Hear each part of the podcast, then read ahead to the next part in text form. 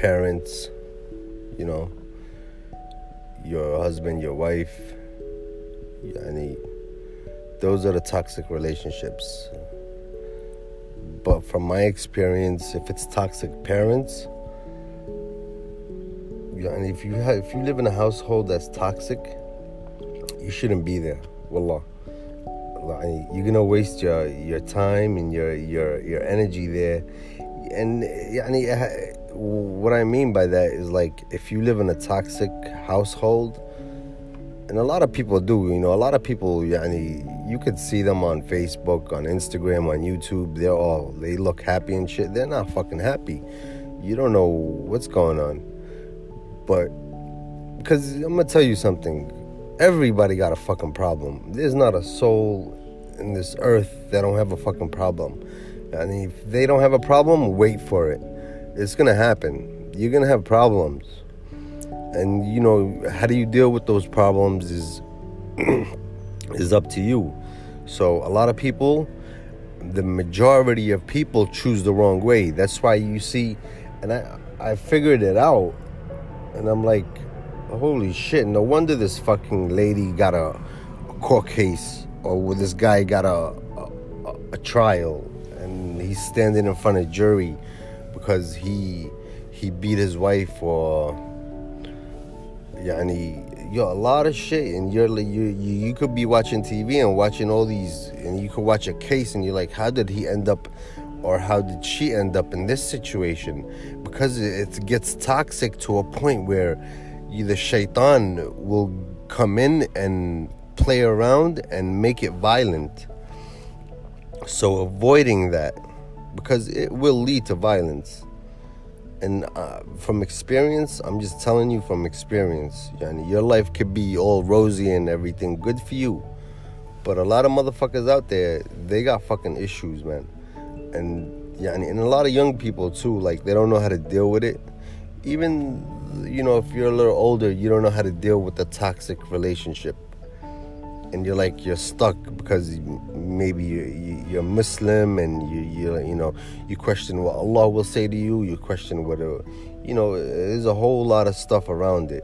So I'm gonna tell you from experience, and uh, yani, uh, it's best you you do you do it this way yani, so the toxic relationships is like if you get into a, if you see a toxic relationship it starts you know slowly and then it, it gradually grows and grows and grows to become yani worse you know?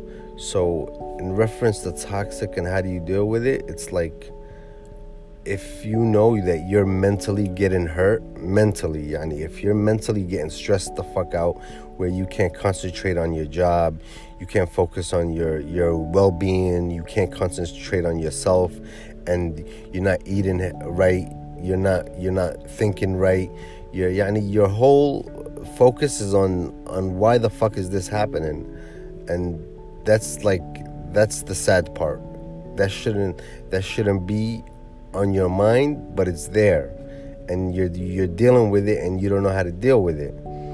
So you question yourself a lot. So it becomes, yeah, lot. I know a lot of people lose weight, fucking can't sleep, can't eat, can't live. They're not. They, when you see them outside, they're smiling, but they're not really smiling. They have they have a, they they they live in a toxic household and nobody's gonna tell you, yo, I live in a fucking toxic household because they're like ashamed of what people might say. Yeah, so and everybody goes through this, but it depends on how toxic it is. What I'm talking about, if it's toxic emotionally, like it really it's getting to you emotionally and mentally, and it's like, yani, you have to go to a fucking doctor. That that's just out of hand.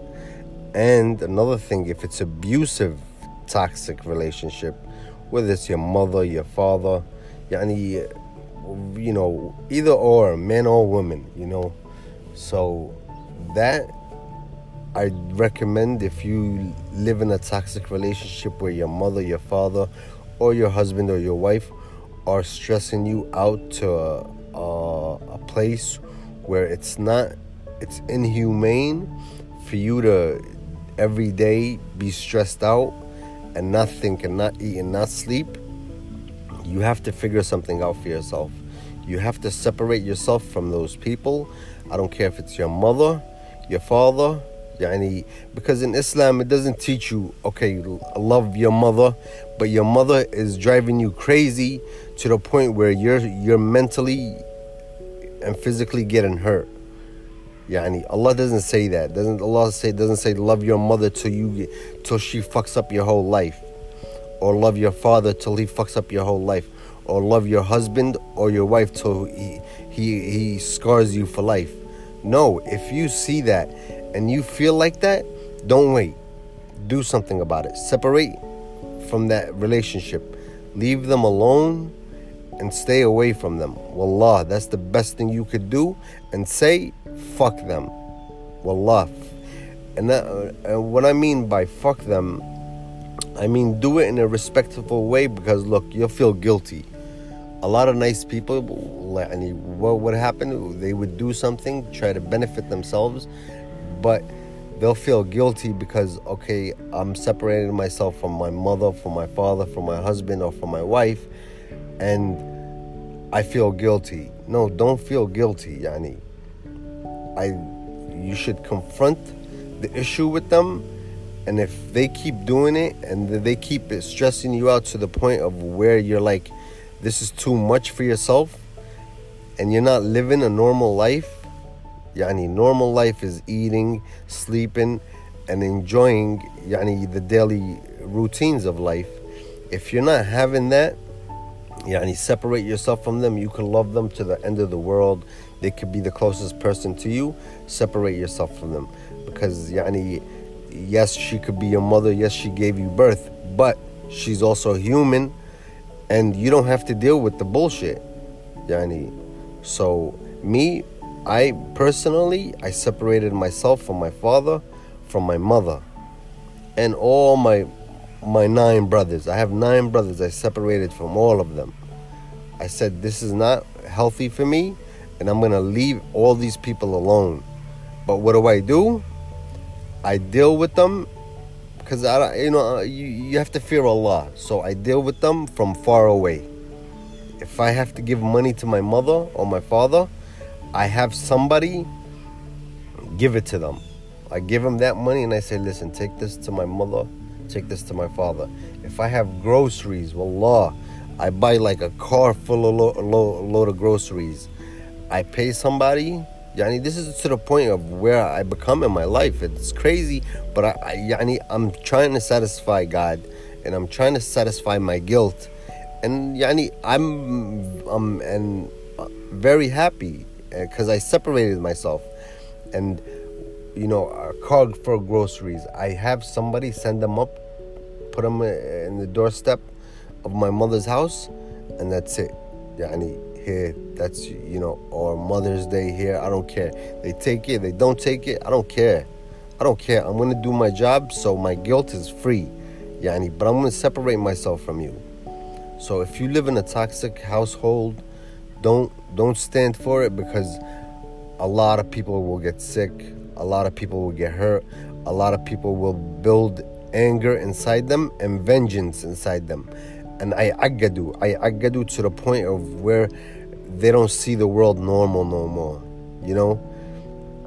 So avoid that. So that's the recommendation I give you in this experience. It's not like, yani, and when I'm talking to you in these podcasts, it's not like I'm yani, I'm telling you shit that I, I'm out of my head. No, I'm just telling you experience. Yani, so it's it's better for you to do that. And a lot of people might go through the internet, see what what they could find, what's you know the right way in Islam, how to how to leave a toxic relationship. No, separate yourself from them. Yani, give yourself boundaries and keep away from them. If they're stressing you out to a point, yani, don't be a baby. If they if it's you know back and forth stuff about little shit, don't be a baby and separate yourself from your mother, your father, or your your, your marriage. Fix it, yani. It's easy. Those little easy things. But I'm telling you, if it's to the point of where you're mentally, yani, mentally getting hurt and physically getting hurt, yani you have to leave that toxic relationship. You have to. There's no point of you staying there because it's gonna you're gonna waste your energy you're gonna waste your time and your future yani. So and then it's gonna affect you in the long run. Because yani you're gonna look back and say damn i should have left 10 years ago. I should have left yani the first day when it happened. So don't wait till it gets worse. Yani do something then and now mind you i'm not giving you advice or anybody. I'm an idiot. I'm just telling you from experience. If you have and you know you can't sleep you can't eat yani don't don't be a baby about little shit. You can fix stuff you know everything has a, solution. But my solution to this yani if you if you do live in a toxic household wallah don't stand for it. Put your foot down. Don't worry where you're gonna be at. Don't worry how you're gonna be at. Yani just make sure that you, you, your health and your your life is normal in a sense of of living yani. And you'll be happy and you'll be free wallah. So hopefully you know you could take this and